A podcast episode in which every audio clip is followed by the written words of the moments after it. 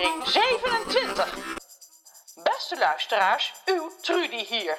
In tegenstelling tot eerdere berichten is dit nog niet de laatste aflevering, maar de op één na laatste. Want het verhaal loopt vertraging op door al dat getruizel op Pedro's schip. Verteller, wat moeten de luisteraars hier wel niet van denken? Nou, wij vinden dit een slechte podcast, want de laatste aflevering bleek de op één na laatste te zijn. Oh, daar gaat onze goede naam. Dat zal wel meevallen. Kind, jij hebt er geen verstand van. Ik heb altijd gelijk. Hoe bedoelt u? Als Pedro straks zijn bordje leeg heeft, komt alles goed. Toetert Kelly roest. Dat is een lang verhaal. En voor lange verhalen hebben we nu geen tijd, roept John terwijl hij met een pollepel door de pan roert. Maar ik kan u verzekeren dat alles goed komt. Met Ron en zeker met mij. John lijkt heel tevreden met zichzelf. Hij hangt zijn snavelachtige neus boven de pan en snuift. Ah, dit ruikt heerlijker dan de chili con carne die ik ooit voor kapitein Roodbaard heb gekookt. En dat wil wat zeggen, want Roodbaard was een moeilijke eter. En met een dreigende blik naar Ron. Chili con carne heb ik trouwens ook uitgevonden. Als men zegt van niet, dan liegt men dat hij barst. Het zal wel, denkt Ron. In zijn maag vechten zenuwen en honger om wie er de baas is. Ik wil paella! schreeuwt de honger. Ik ben misselijk van de spanning en ik moet niet aan paella denken, bibberen de zenuwen. John, ik wil je omtoveren in een tandenstoker, zegt Pedro. Dus schep maar snel op. Des te eerder kan ik je tussen de tanden van mijn visje steken. Doe mij ook maar een flink bord. Lorelei zwaait ongeduldig met haar staart. Komt voor mekaar, zegt John. Twee piraten stappen naar voren. De een heeft een stapel borden in zijn handen, de ander draagt een bak met lepels. John schept een bord vol paella, steekt er een lepel in en zet een paar stappen in de richting van Pedro. Wat krijgen we nou? roept Lorelei beledigd. Dames eerst! Ja, dames eerst, onbeleefde prutkok, zegt Pedro terwijl hij met een schichtige blik naar Lorelei kijkt. Excuses, mevrouw. John maakt een buiging en houdt de zeemermin het bord voor. Lorelei grist het uit zijn handen en morst bij Elja in de tijl. Het maakt er niks uit.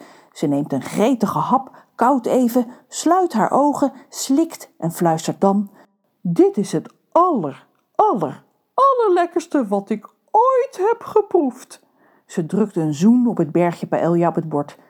Ik wil zo nog een schep, een flinke, jubelt ze met een gezicht vol rijstkorrels. Ik begin nu ook trek te krijgen, zegt Reus.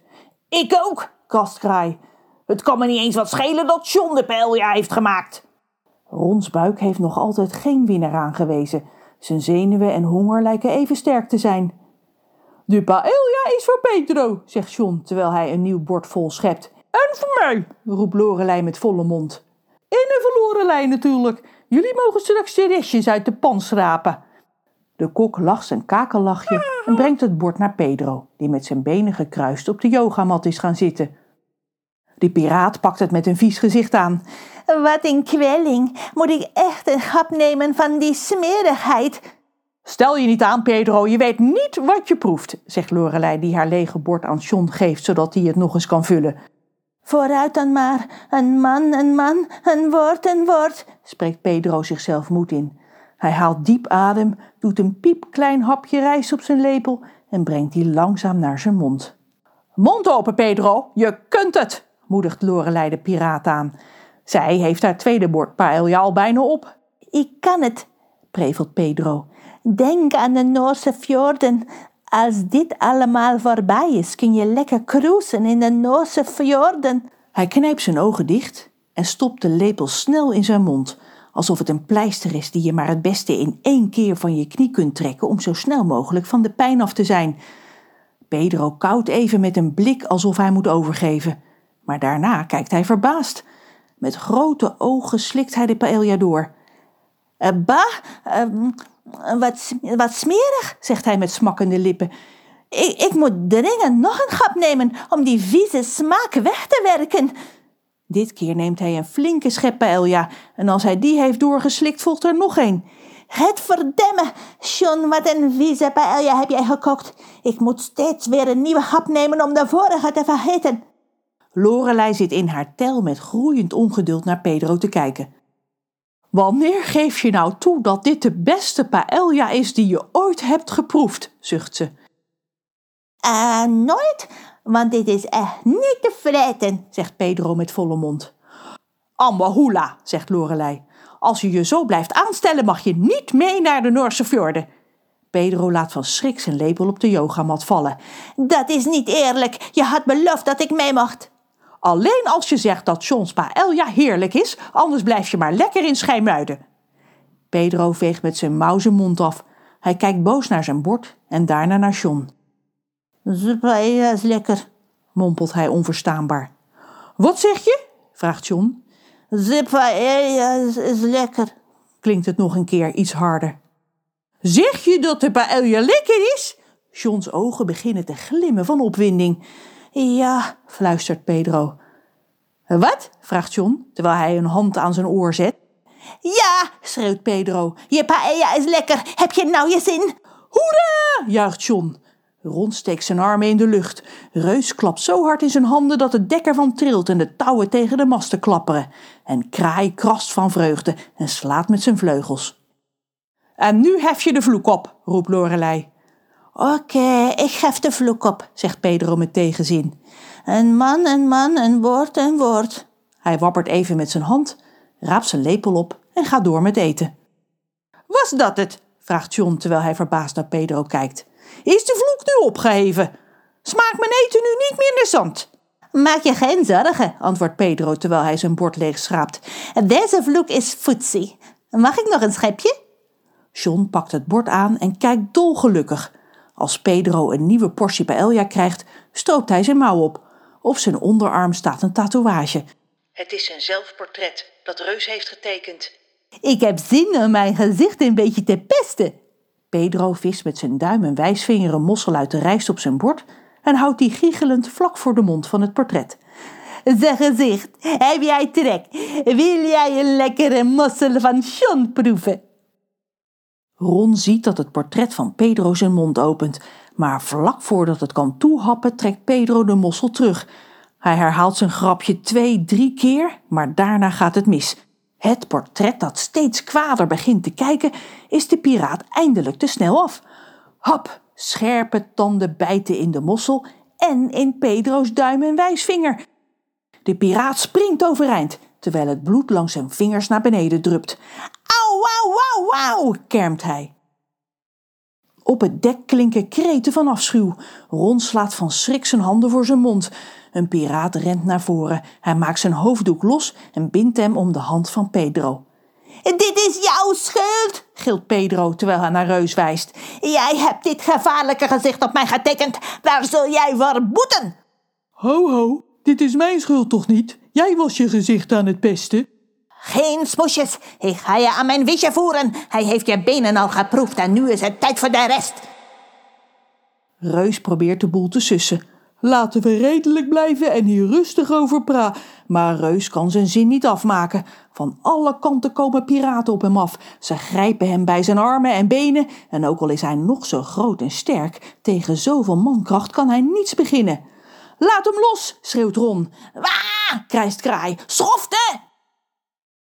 Pedro, als je zo doet kun je de Noorse fjorden op je buik schrijven, zegt Lorelei boos. Houd je mond, Lorelei. Jij speelt altijd de baas over mij. Daar heb ik genoeg van, roept Pedro, terwijl hij driftig zijn lepel naar de zeemermin gooit.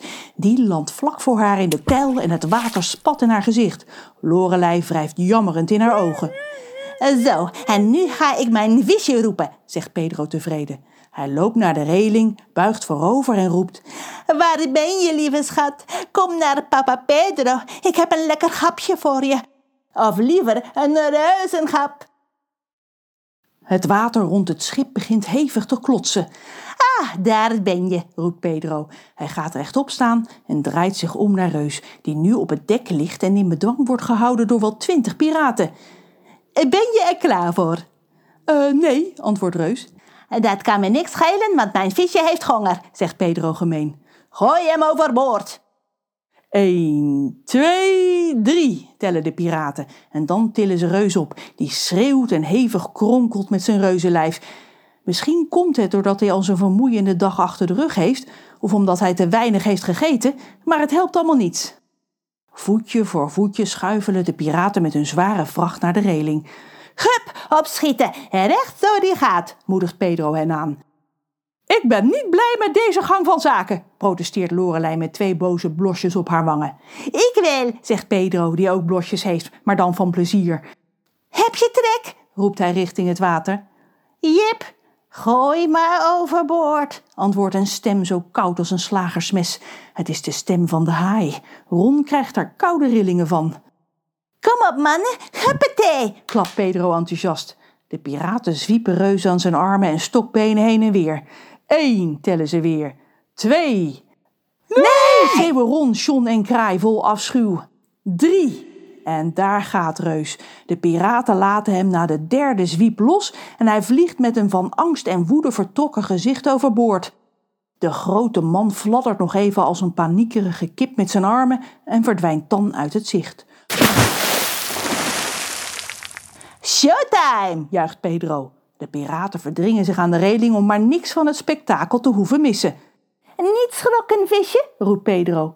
Eén grapje tegelijk, want anders moet je weer boertjes laten. John stopt zijn vingers in zijn oren en knijpt zijn ogen dicht.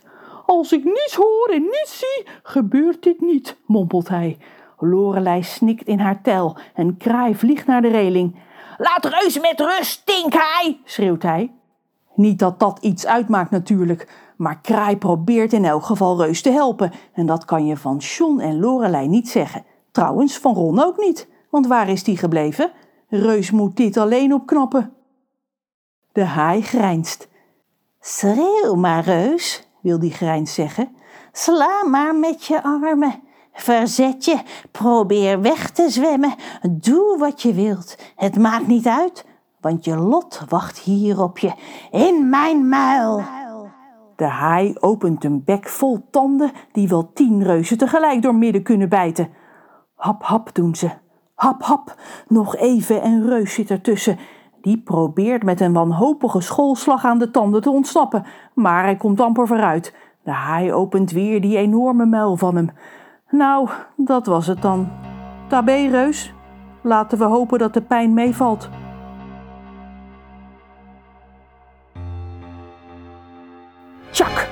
Er zit iets in een van de neusgaten van de haai. Iets wat er een seconde eerder nog niet zat. De haai schudt wild met zijn kop. Zijn neus rimpelt, het water spat. Ha, ha, ha, hatsjoe. De haai niest zo hard dat Reus als een speedboot door het water schiet. Rot, jong. roept de haai en dan duikt hij onder. Pedro en de piraten kijken hem stom verbaasd na. Wat, wat is er gebeurd? Stamelt Pedro. En wie is dat rotjong? Dat ben ik. Het is Ron, die tussen de piraten aan de reling staat. Ron, die even daarvoor zag hoe het potlood van Reus uit diens zak rolde toen de piraten hem optilden. Ron die het opraapte en zich tussen de piraten doorwurmde totdat hij aan de reling stond. En nogmaals Ron die het potlood als een dartpijltje precies in het neusgat van de haai gooide. Nou jij weer, Michael van Gerwen. 180. Is er onder de luisteraars toevallig een dierenarts die dat potlood uit mijn neusgat kan verwijderen? Ik zal niet bijten. Eh, niet expres in elk geval. Tot volgende week. Ron Willem Tattoo is geschreven en geproduceerd door Margot de Graaf.